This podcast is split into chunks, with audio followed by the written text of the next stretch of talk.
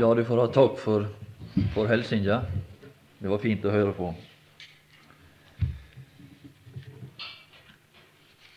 Vi skal lese litt ifra Første Mosebok, og jeg tror det at det er nok ei svakhet at det blir for lite lest ut av ut av disse vers, ut av disse to kapittel som som disse tanker i sin helhet er henta ut ifra. Det er antagelig en svakhet med hele opplegget, men vi skal nå bare lese et par vers ifra det 39. kapittel i Første Mosebok.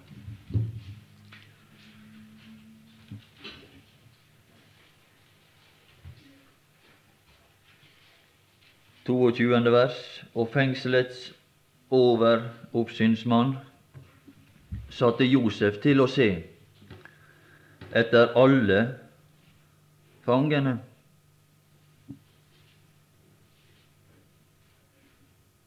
som var i fengselet.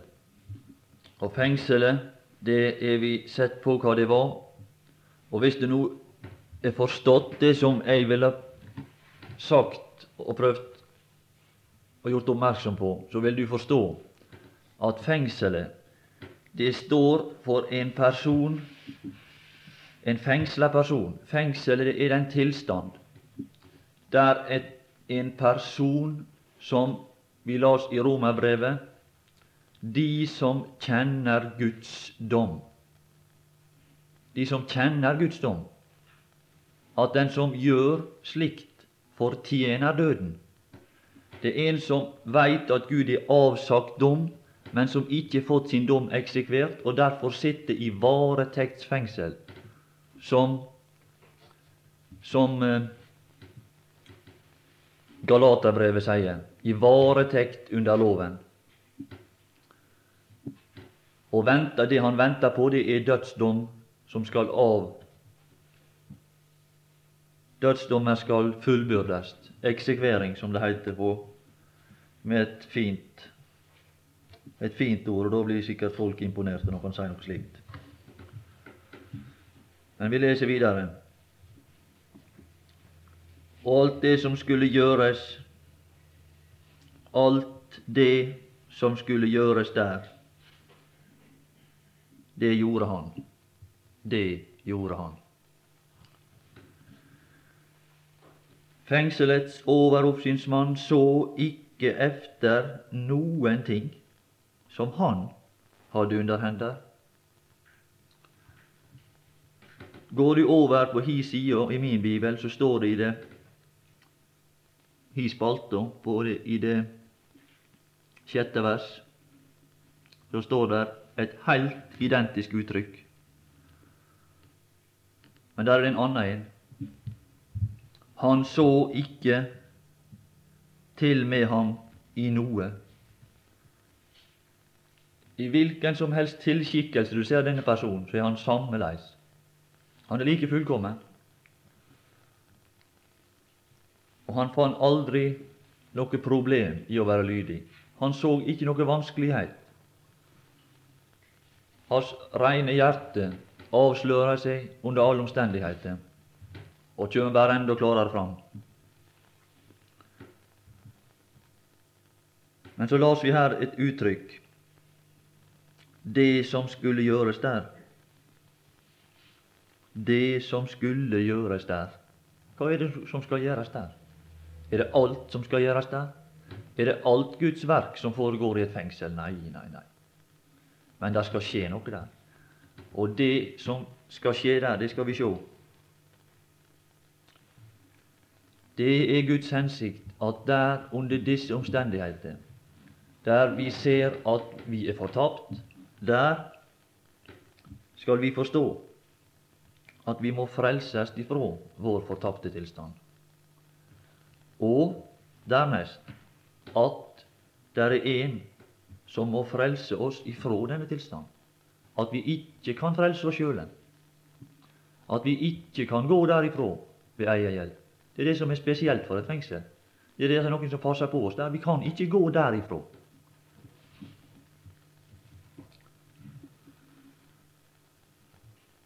Men så står her alt det som skulle gjøres der, det gjorde det gjorde han.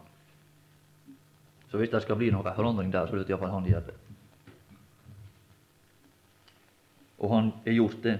Han gjorde det. Det som var umulig, det gjorde han.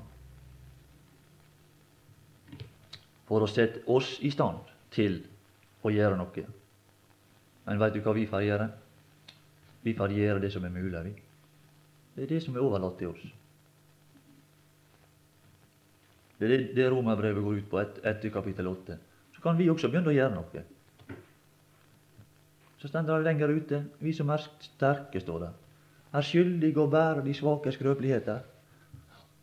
Det kan vi gjøre. Det kan vi gjøre. Vi kan elske hverandre, kappes om å hedre hverandre, stender det lenger ute. Det er mulig for oss. Men dette første som står tale om lenger framme, det kunne vi ikke gjøre, for det var umulig.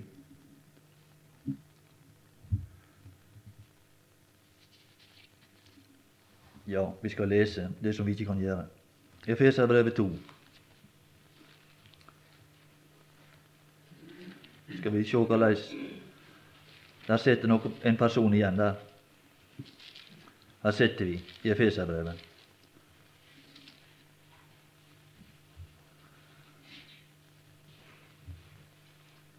I andre kapittel og det åttende vers.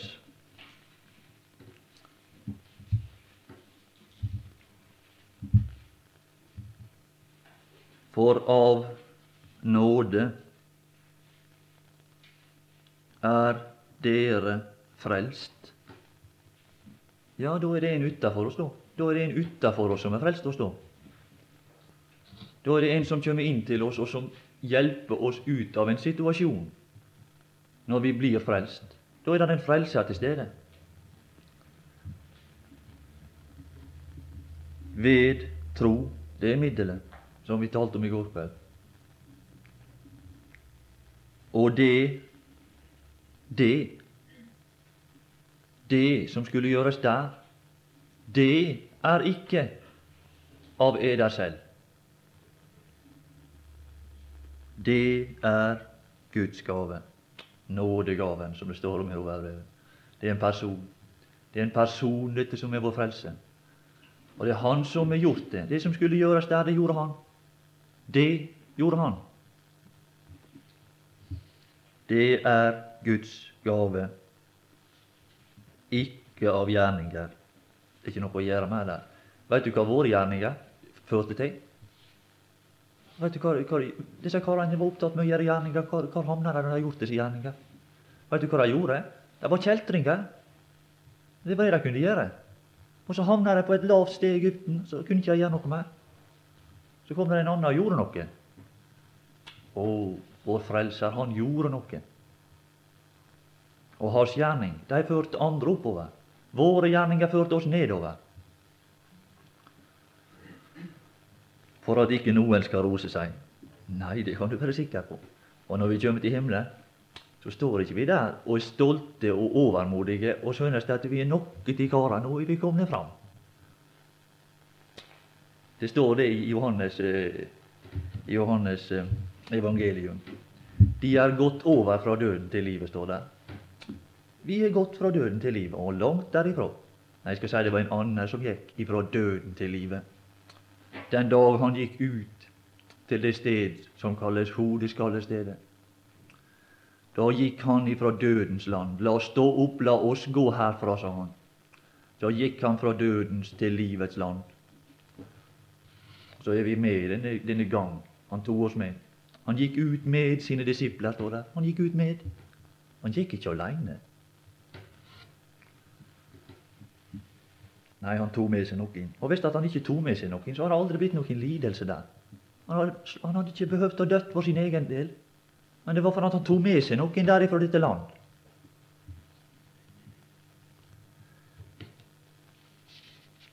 Nei, vi skal ikke rose oss. Vi har ikke noen grunn til å rose oss. Men det står om en annen ros i Romerbrevet. Vi roser oss av Gud. Vi roser oss av Gud. Vi roser oss ikke av oss sjøle, men vi roser oss av Gud. For Han har gitt oss noe som vi kan stå frimodig framfor oss ansikt. Og så kan vi rose oss av det Gud har gjort, og det Gud har gitt. Og så er det ros. Og så er det ære. De fattes Guds ære, begynner romerbrevet med. Og så slutter det med at det er ære. Det er ære over oss. Dem har Han òg herliggjort. Så er vi herlige. Så er vi slike som, som er ære verdt.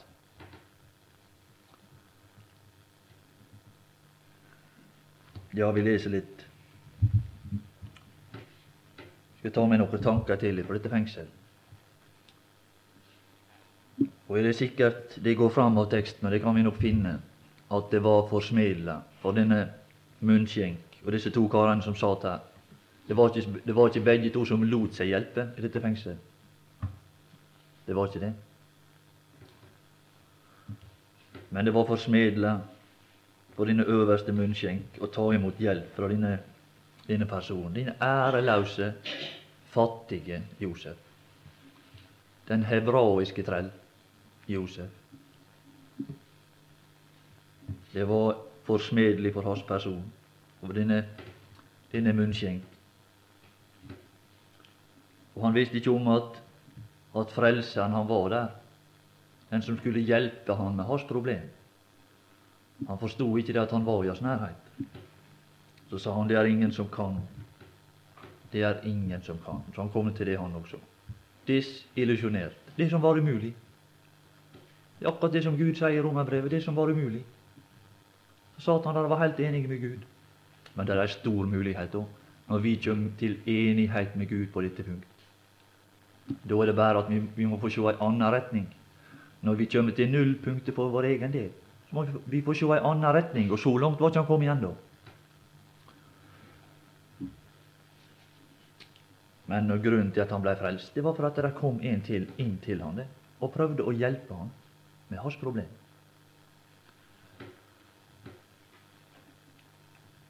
Det er ikke av deg selv.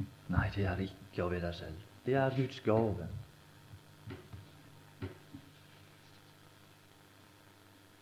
Å tyde drømmer, sa han, er ikke det, er ikke det din sak.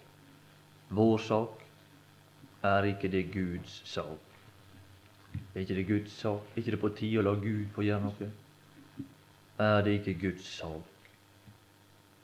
Det er det som er frelsens hemmelighet. Det er det at Gud gjør noe. Gud frelser oss slik vi er. Så sier han videre, fortell meg hva du har drømt. Fortell meg hva dere har drømt. Så ber han der, så bøyer han seg ned, og så søker han, søker han tillit. Så søker han om Kanskje du kan åpne ditt hjerte, du munnskjenk. Kanskje kan du åpne ditt hjerte for meg, æreløse, fattige person. Kan du det? Mm? Jeg som kommer inn til deg, du ser vel Jesus i denne personen. Ser du Jesus i ham? Jeg ser bare Jesus i denne personen. Jeg ser bare den Herre Jesus. Det er om meg han har skrevet, sier han i Johannes evangelium. Når han, han talte om Det gamle testamentet, det er om meg han har skrevet. Ikke periodevis, ikke periodevis, men alt som før er skrevet. Alt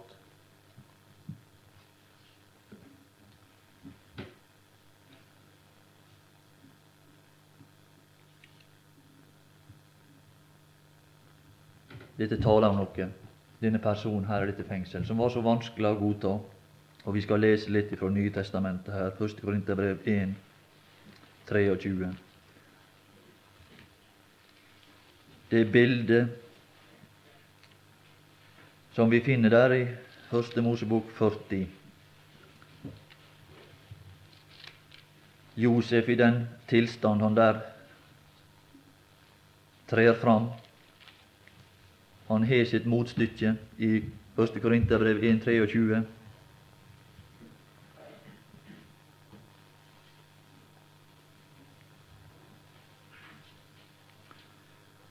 Og den som sto framfor munnskjenken der og ville løse hans grunnleggende problem, hans første problem. Det var ikke noe problem for han den tid han var ved hoffet, men her var et problem.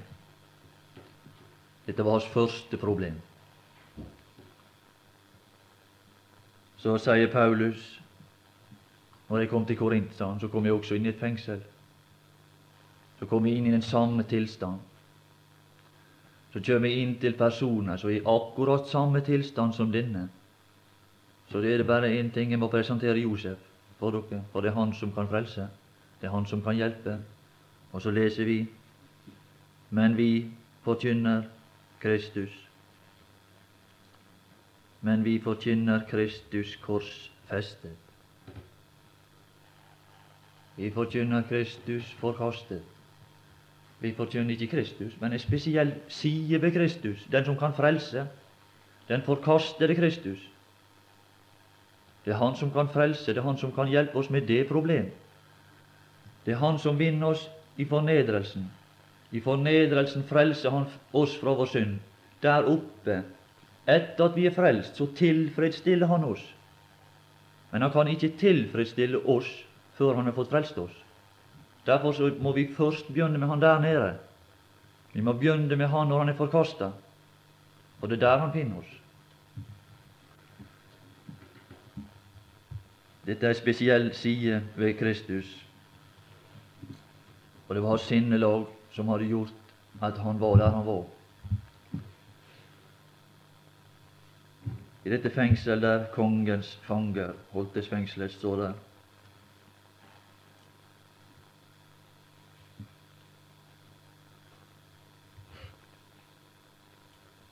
Det kan hende det at disse to karene som satt der, kanskje hadde de noen fine drakter på seg, slik som de brukte ved hoffet. og Så satt de noen dager, og så ble det skitnere og skitnere, og så begynner å bli fjastige, og så begynner å bli lurvete. For det er ikke noen som kler noen der nede. Det er ikke noen som gir folk ære der nede, i fengselet. Kommer bort ifra troen, så, så begynner det å, å menke på herligheten. Og Så til slutt så kom han og gikk der og spurte hva det går. Karen, skal dere ta imot Josef? Skal dere høre nå på meg? Skal jeg få hjelpe dere? Var ikke, han var ikke overlegen, slik som jeg kan få det fram her. Altså, men, men, han sa det at skal jeg, skal jeg få hjelpe dere? Skal jeg få hjelpe dere med dette problemet? Og så menker det med, med herlighet, og så til slutt så var det kanskje bare så ble, ble de ydmyka der etter fengselet, og så så ikke så mye av denne herlighet. Så var de ribba, og så var de nakne, og til slutt så kanskje var det bare slike som du ser i fengselet i dag, slike med striper over. som du ser i. Og det minner bare om én ting, at det er ynkela med det. Det er ynkela med det. Kanskje kunne vi prøve nå? Kanskje skulle vi prøve Josef nå? Kanskje du kan hjelpe oss, Josef? Kan du sitte der med dette, dette, ditt problem? Det er ingen som kan løse dem. Vi har hatt en drøm. Og det er ingen som kan. Ja, ja, så en dag så setter de seg ned, disse, og så ble det en løsning på dette problemet. Og der er dette fengselet, der, der møtes, møtes Frelseren og den fortapte.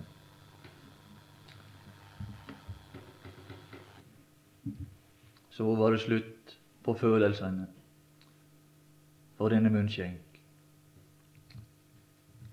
Han følte seg ikke lenger for fin til å ta imot hjelp ifra denne, den forkastede. Og Josef i denne tilstand, både forkynneren Josef og han er frelseren i en person. Men det skal mer enn ett bilde til. Det skal mer enn ett bilde til i dette fengsel for å forkynne den fulle sannhet om den Herre Jesus. Derfor så er alle disse personer som er åpenbart i første Mosebok 40, der i dette fengsel, de taler kun om Kristus. De taler kun om Kristus. Men vi skal se på det litt seinere.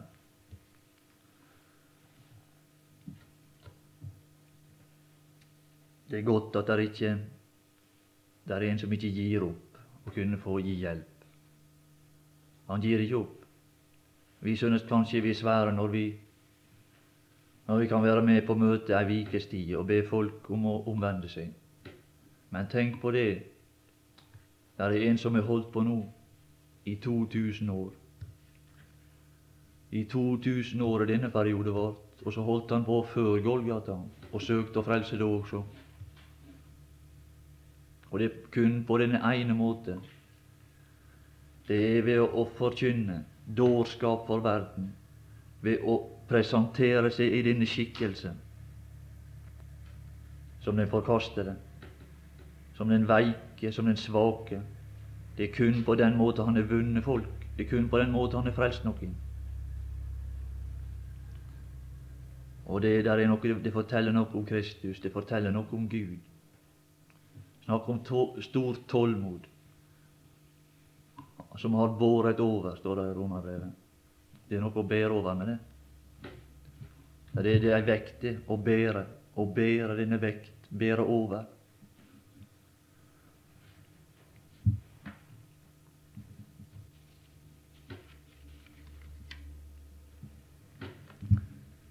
Det som vi kort ser, det er at disse to personer som her er omtalt, de er kommet til et, til et sted i sin erkjennelse der at det er bare Gud som kan hjelpe dem.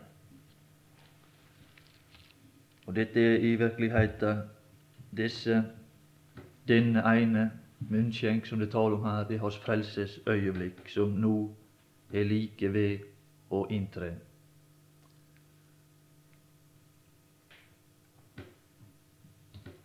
Og det vi må, må lære av dette, at det er kun gjennom én person at Gud vil gi oss dette ene som Han vil gi oss. For det første må vi lære at Han vil gi oss noe, at Han vil frelse oss som vi er. For det andre må vi lære at det er kun i denne ene person at denne gave tilflyter oss.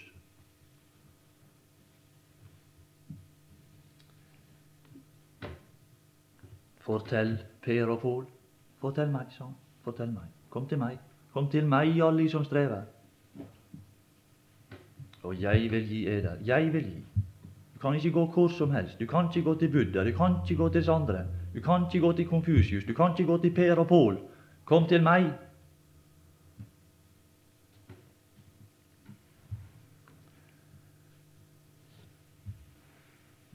Og Det er jo da spørsmålet, og det er vel kanskje positivt for alle oss som, som sitter her, at hvis vi spør nå om, om at Han har forgått oss til hånde med dette vårt første problem, så er kanskje svaret for vårt vedkommende positivt. Det er sant at Han har fått hjulpet oss med dette ene problemet. Det må stå til den enkelte og i sitt forhold til Gud å avgjøre. Men vi må være klar over det, at når den Herre Jesus er åpenbart i dette bildet, så taler det om hans kvaliteter. Han ber ikke denne skikkelse i dette fengsel, i denne verden, forkasta, Kristus korsfestet for verden, en dårskap der han lir å være en dåre. Han har det, det navnet i verden. Han er en dåre, en svak, en elendig. Så, så fattes alt av ære i denne verden. Så gjør ikke han det fordi at han, det er berømmelse med det. Heller ikke for at det er behagelig for hans person å ha dette omdømmet. Men det er bare av hensyn. Det er bare av hensyn til andre. For det første av hensyn til Gud, og for det andre av hensyn til oss. For din skyld bærer jeg vanære. Dekker skam mitt åsyn, ikke fordi det er behagelig, men det er hensynet til andre som er avgjørende her. Nei, han har sittet på Fonjar en dag i dag, skal jeg si det. Han har sittet på Faderens fang den dag i dag.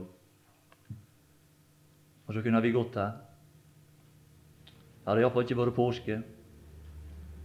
Det har ikke vært noe å slakte, det har ikke vært noe å ete iallfall.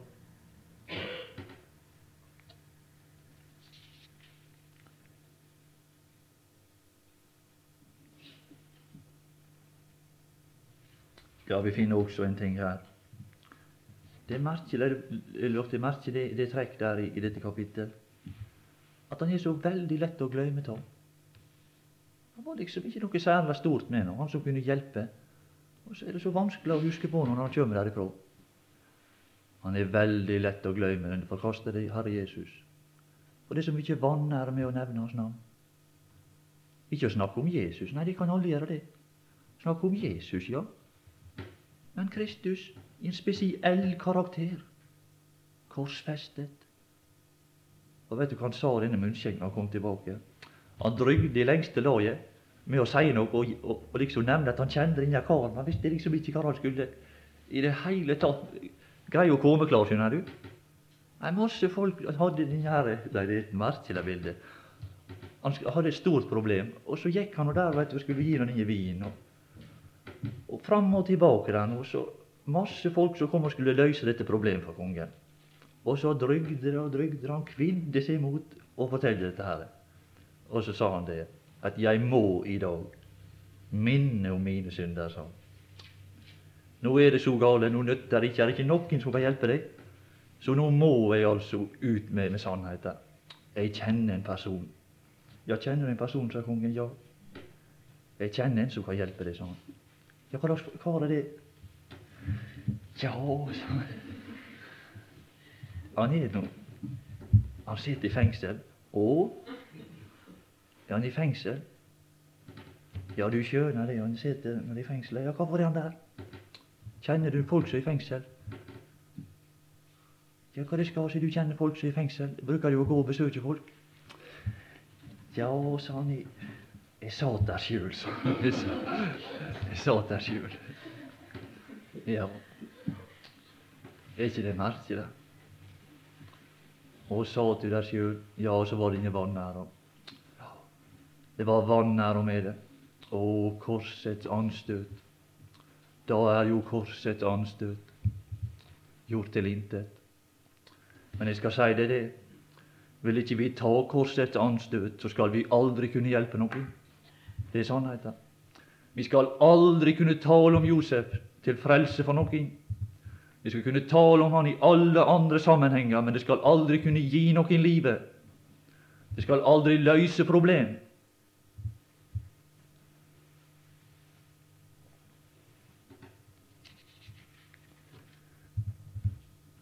Ja, det vi finner disse her ting også omtalt andre plasser. Vi kan komme tilbake til dette med korsets anstøt.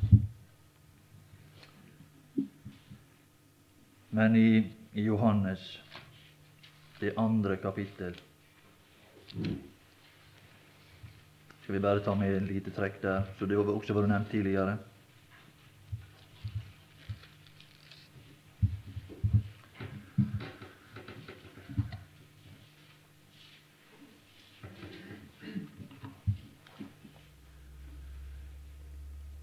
Bare for å Jeg synes det er nødvendig. Nå er dette bildet det kan, For meg er det veldig klart, men det er ikke sikkert at alle ser dette like klart.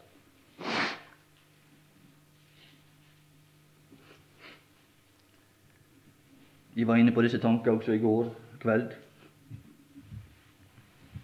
Johannes 2, 18. Da tok jødene til orde og sa til ham:" Hva for tegn viser du oss siden du gjør dette?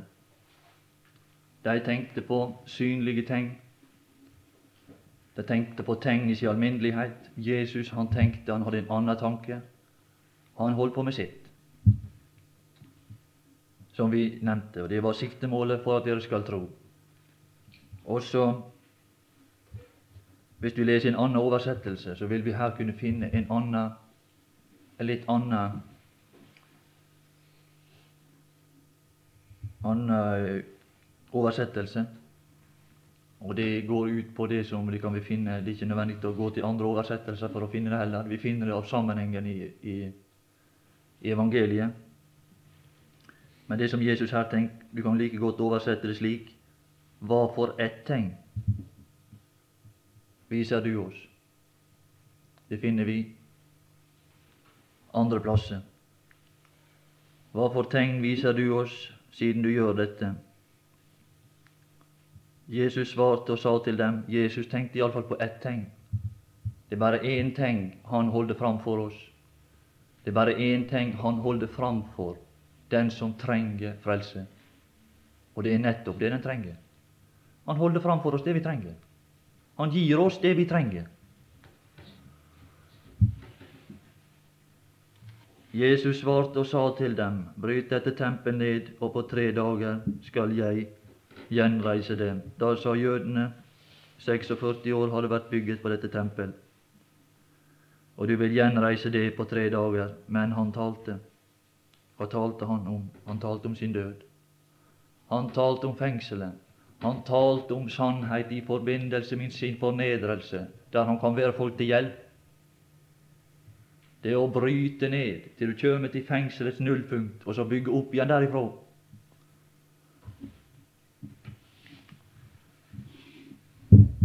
Han talte om sin død. Han talte om denne nedbrytelse på Golgata. Andre ting var han ikke interessert i, sjøl om de hadde andre behov.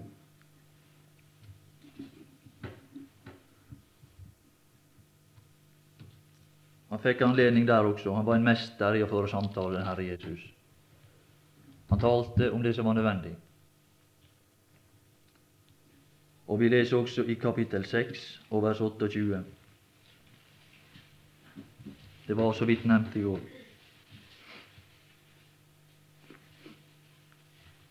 Det kan være nødvendig å ta med dette.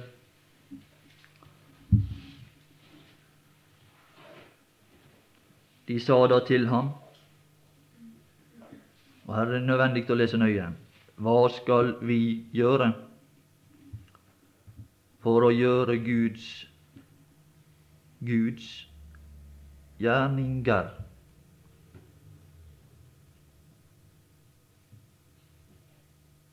Jesus svarte. Han svarte. Han hadde svaret. Men sannheten, den guddommelige sannhet, han som er kalt sannheten, han kunne ikke svare på en hvilken som helst måte. Han måtte svare ifølge sannheten. Og så svarte han slik at det er sant.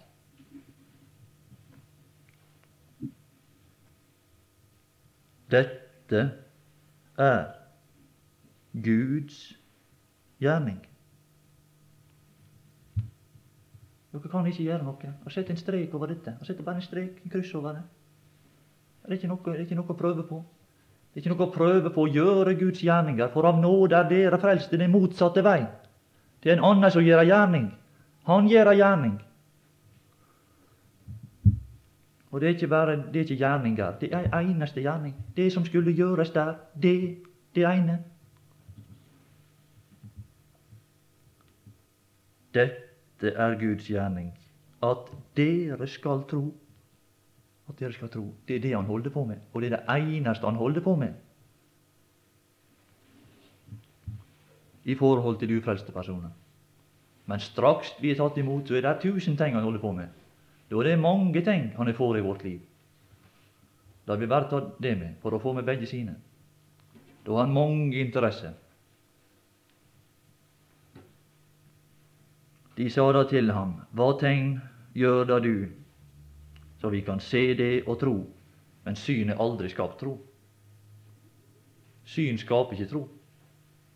For enda de hadde sett så mange tegn for hans øyne, trodde de ham ikke. Ikke det merkelig? Nei da, syn skaper ikke tro.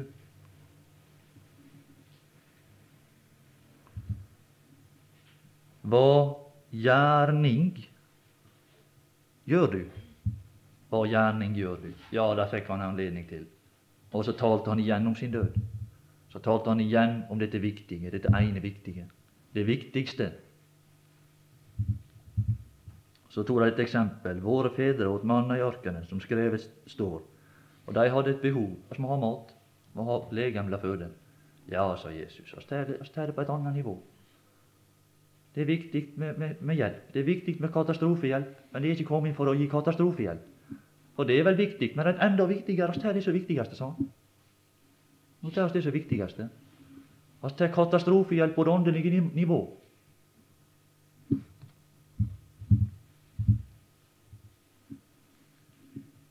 Moses har ikke gitt der brødet fra himmelen. Men min Fader, hva gir min Fader? Å, jeg kjenner min far, sa han. Og nå holder jeg på å lytte her. Nå holder på å lytte. Hva sier du, far? Hva slags hjelp skal jeg gi i dette tilfellet? Hva sier du, min Fader? Hva skal vi gjøre nå her? Ja, sier Faderen, nå skal vi gi. Nå skal vi gi igjen. Nå skal vi ta oss for igjen og gi. Nå skal vi gi det sanne brød. Nå skal vi gi det brød som kan avhjelpe den åndelige hunger, den åndelige død.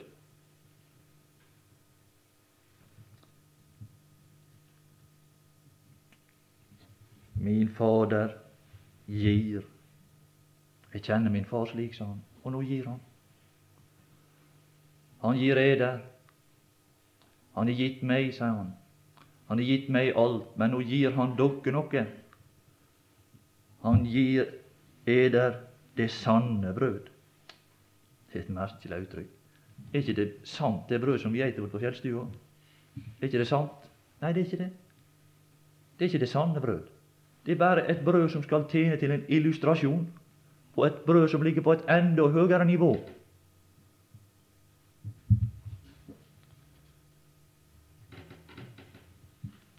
For hvis vi ikke hadde disse bildene, så kunne ikke vi forstå hva dette brødet er for noe.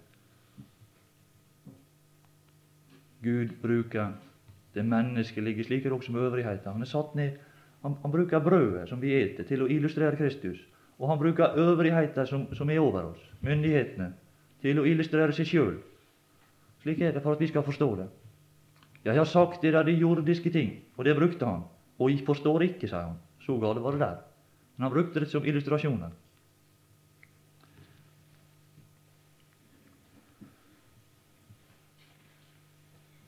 For Guds brød Hva slags brød er det? Det er noe som vi kjenner til. Det var omtalt før. Det er det brød som Gud eter. Og så er det slik at du skal ikke gi andre det, det som du ikke vil ha sjøl, sier de. Ja. Det er en som ikke gitt smulene, som faller fra den rike spor. Nei, han tok det som han hadde sjøl, på bordet sitt. Han tok Guds brød, det var det han ernærte seg av, og så var han uten brød for sin egen del. På Golgata, det kan du være sikker på. På Golgata i tre mørke timer, der ga han sin sønn. Han ga fra seg dette brød for at vi skulle ha brød. Og så var han i hunger for sin egen del. Han er den som fasta. Han er den som avsto fra å nyte for vår skyld for at vi skulle være knytta til dette brødet i all evighet og aldri mangle det. Og når vi kjem til himmelen, så står det om et bord. Hva er det? Ja, det er den Herre Jesus, det også, som løfter noe opp for oss. Og hva finner vi på dette bordet? Der finner vi et brød. Og er det? Det er den Herre Jesus, det også. Der skal vi sitte til bords. Og der skal vi nyte med Peter og Jakob og alle profetene står der. Jeg syns det er et slikt artig uttrykk. Tenk det. De som er, de som er, er reist herifra for lenge siden. Og så er vi knytta til dem. Så skal vi samles der. Snakk om interessante personligheter, skjønner du. Vi er vel interessert i å komme i fint selskap. Det er fint selskap. Sitte til bords med Isak og Abraham i himlenes rike. Men så står det på de sida sannheten talte, talte sant, men dere selv kastet utenfor. Utenfor utenfor sammenhengen, utenfor det som er godt. Ja, jeg vil iallfall ikke være utenfor, og jeg er glad for at jeg slipper å være utenfor.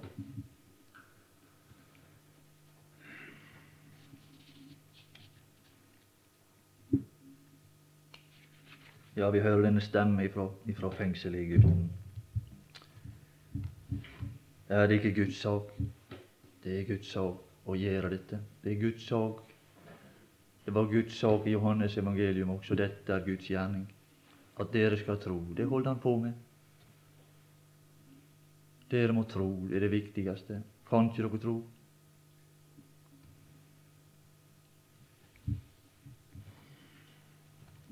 Dette mål hadde han for øye Josef i fengselet. Og dette mål har Gud for øye den dag i dag. Det samme mål. Nøyaktig det samme mål for den som ikke er frelst.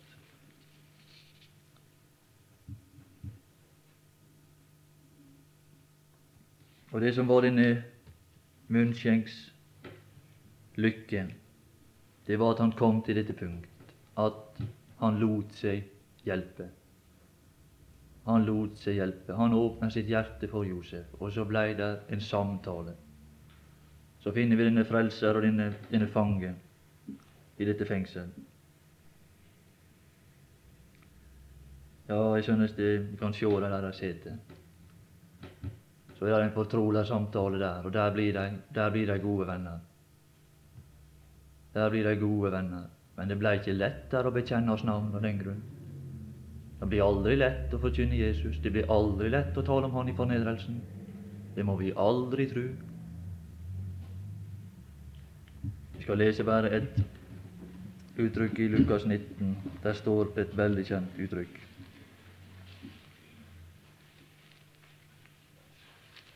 Og det får større betydning for meg når jeg når jeg kjenner denne, denne scenen i, i Egypten der.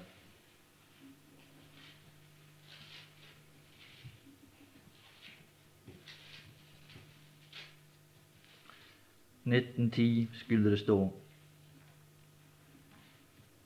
For menneskesønnen er kommet. Det er han som var menneske, som disse var mennesker. Han er kommet, og veien, det kjenner vi gjennom ifra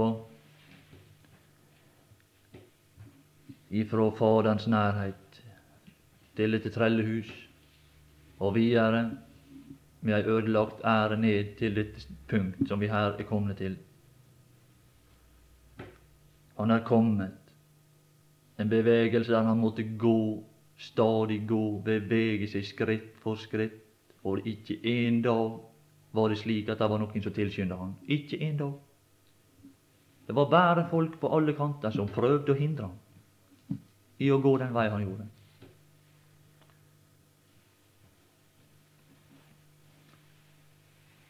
For å søke å frelse. Det var en det ikke lukkast for. Det var den øverste baker. Han lot seg ikke frelse.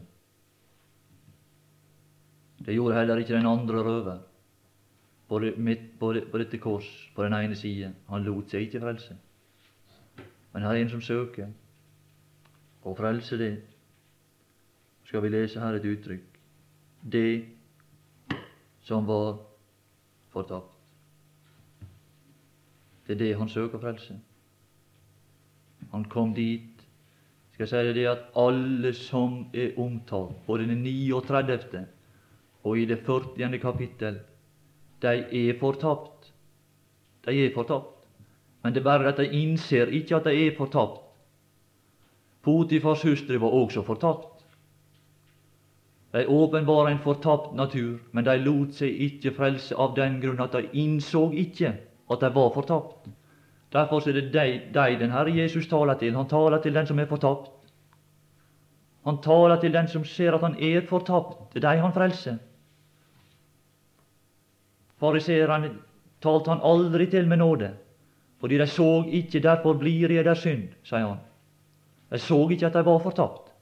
Han innså Han begynte aldri å prøve å frelse folk som er overmodige. De sa 'vi ser'. Ja, vi karene. Vi ser. Ja vel, sa Jesus. Så blir dere der dere er. Så blir dere der dere er. Da blir de i eder synd. Men her er noen som var fortapt. Denne munnskjenk var redusert, og så ble han fortapt.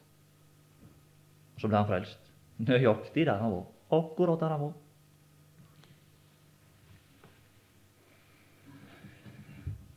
Ja, det må snart være kanskje nok om dette.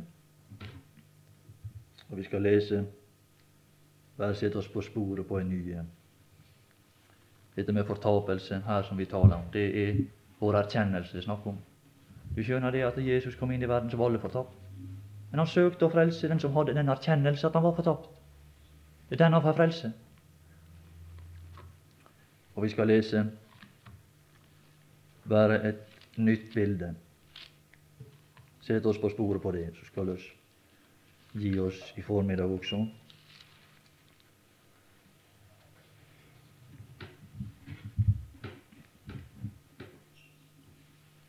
For at du kan se hva som er redninga for denne munnskjenk. Ja, redninga leser vi om. Den er nærere enn han skulle tru. Nå føres det inn et nytt bilde her i dette fengsel. For den fortapte, som er innestengt under loven. I varetektsfengsel under loven. Et nytt bilde og bilde, det er igjen den Herre Jesus. Så sier han hva som blir hans redning i første Mosebok 40 og vers 9.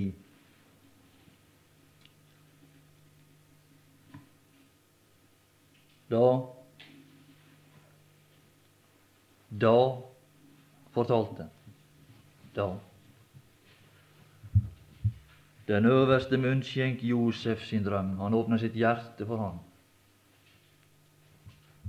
Lukk ham inn, synger vi i en sang. Lukk ham inn. Det er Åndens røst som sier, gå og lukk din Frelser inn. Så får vi en beskrivelse av det syn som blei han til redning.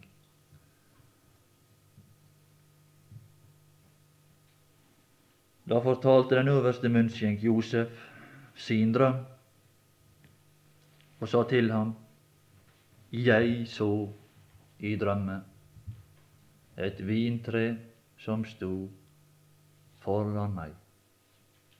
Kan dette, tror du? Taler dette også om noe?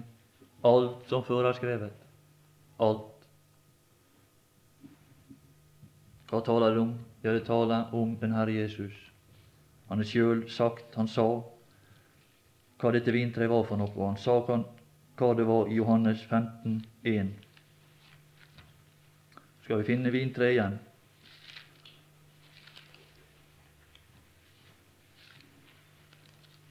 Johannes 15.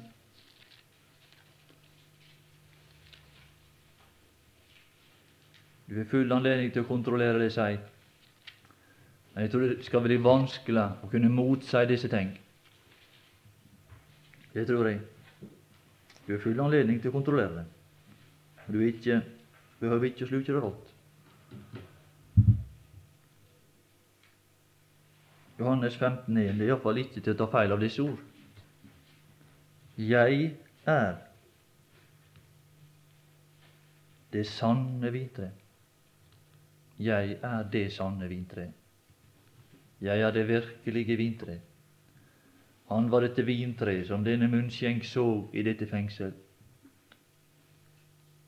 Og vintre, det er et vidunderlig tre.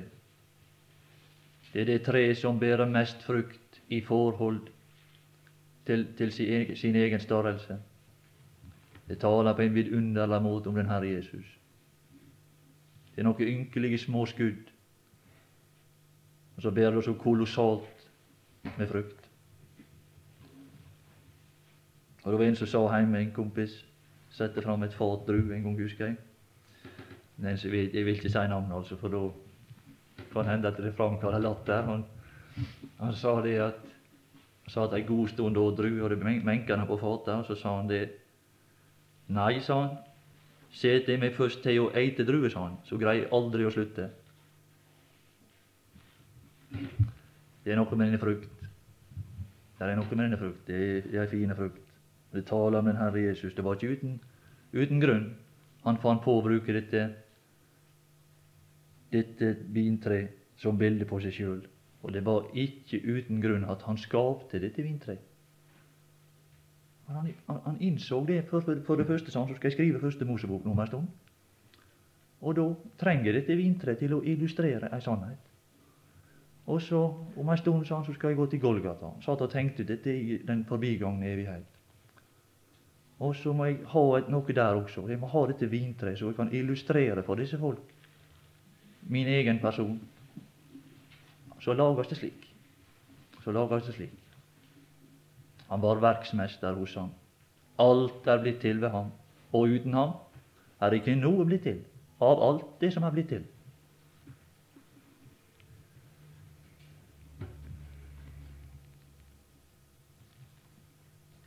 Det vil litt god tid kanskje i dag da når vi skal ha bare den ene timen på formiddag. Han, Anders Nes han brukte å tale en og en og så sa han nå vil ikke jeg trøtte dere mer. sa han. Og det, Da kan han kanskje begynne å røyne på med frimodigheten. Så tok han en halvtime til da på. Han har sagt det.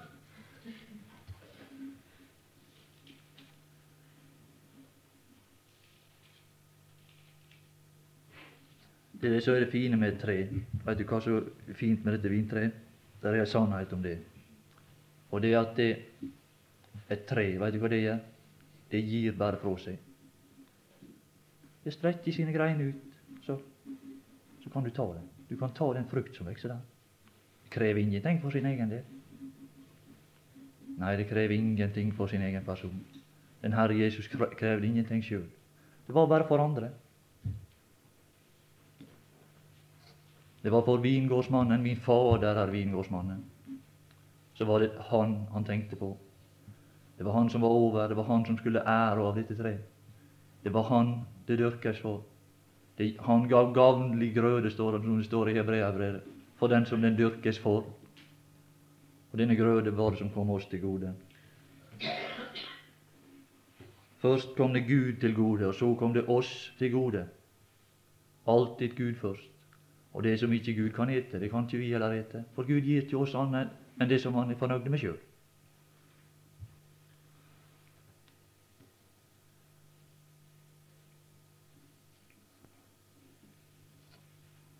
Hva er det som er ikke det merkelig at det var et vintre han fikk se? En munnskjenk. Hva er det som er spesielt for en munnskjenk? Han er helt nødt til å ha et vintre hvis han skal fungere. Og det er det vin som er dette der kar som han skal løfte opp til kongen. Han er helt ute av sin sammenheng hvis ikke han er vin. Og Derfor så, ja, så, så han. Og så ser han Jesus i det akkurat i det behov som han har. Nøyaktig der. Det han trenger, det er et vintre. Det han mangler, det får han. Skal han få gi oss det? Oh, hvis han ikke får gitt oss det, så er vi ingenting. Vi behøver iallfall ikke å komme og gi kongen Her, konge, kom og drikk. Du må ta inn en, slurk skal han prøve å drikke dette der. Det er ikke noe, sa han. Det er ikke noe å drikke. Derfor så var det at han fikk det han trengte for å gi denne kongen. Det som kunne glede Gud. Ja, vi skal legge merke til hvor,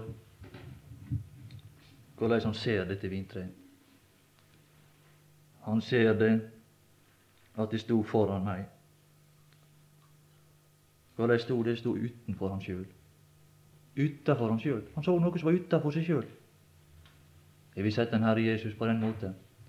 Jeg vil sette Han som var utafor oss, Han som frelser oss fordi Han er utafor oss, og derfor kan gi oss noe. Han sa det, dette den illustrasjonen som Aurebekke brukte, Vet dere. Han tok ham på sine armer, står der. Han kom inn i tempelet, så så han dette vintreet. Denne, denne profet, han som var der i tempelet denne gamle mannen som gikk og venta på Guds frelse. Og så så han vintreet, han også, og så tok han ham på sine armer. Han hadde frelsa utafor seg, men så gjorde han seg til ett med den ved å ta den opp på sine armer. Og så sa han 'Mine øyne har sett'. Mine øyne. Og så kjente han denne vidunderlige smak av denne personen. Så kunne han ta denne frukt. Mine øyne. Han ble født som et barn her i denne verden. Så kunne, han kunne ta han opp i sine armer. Han var fornedra. Han var der på dette stedet, dette tempelet, og der var han så ynkel og fattig. Han kunne komme med to duunger, det var han, det han kom med. Så ynkel og fattig var han når han kom inn i denne verden. Og så var han tilgjengelig. Han kunne takast opp på hans armer. Så kunne han frelse. Mine øyne har sett din frelse, og det er det jeg er glad for, det også. Mine øyne har sett din frelse, og det er jeg glad for. Og vi må bare slutte med det. Ja, Herre Jesus, det er ditt ord, dette, og vi er glad for at du har gitt oss det. Og jeg gleder meg over ditt ord. Jeg gleder meg over ditt ord, som en som finner meg et bytte, står det skrevet. Og det er ikke alltid det er så mye vi forstår, men når vi er samla om det, så er det godt. Det er godt å kjenne at det er nok i ditt ord. Og det var det du ga oss. Jeg har gitt dem ditt ord, sier du. Så vil vi takke deg for dine dager, dine formiddager, takke deg for disse venner, at vi skulle, jeg for min del skulle få kjenne deg. Og den glede å kunne bli velsigna sammen med deg. Ta deg av oss i fortsettelsen. Dra omsorg for oss, for den enkelte, akkurat slik som vi er. Akkurat slik som vi er, vil du ta oss opp og velsigne oss. Tilføre oss noe som kan glede oss og bære oss og løfte oss opp. I Jesu navn ber vi. Amen.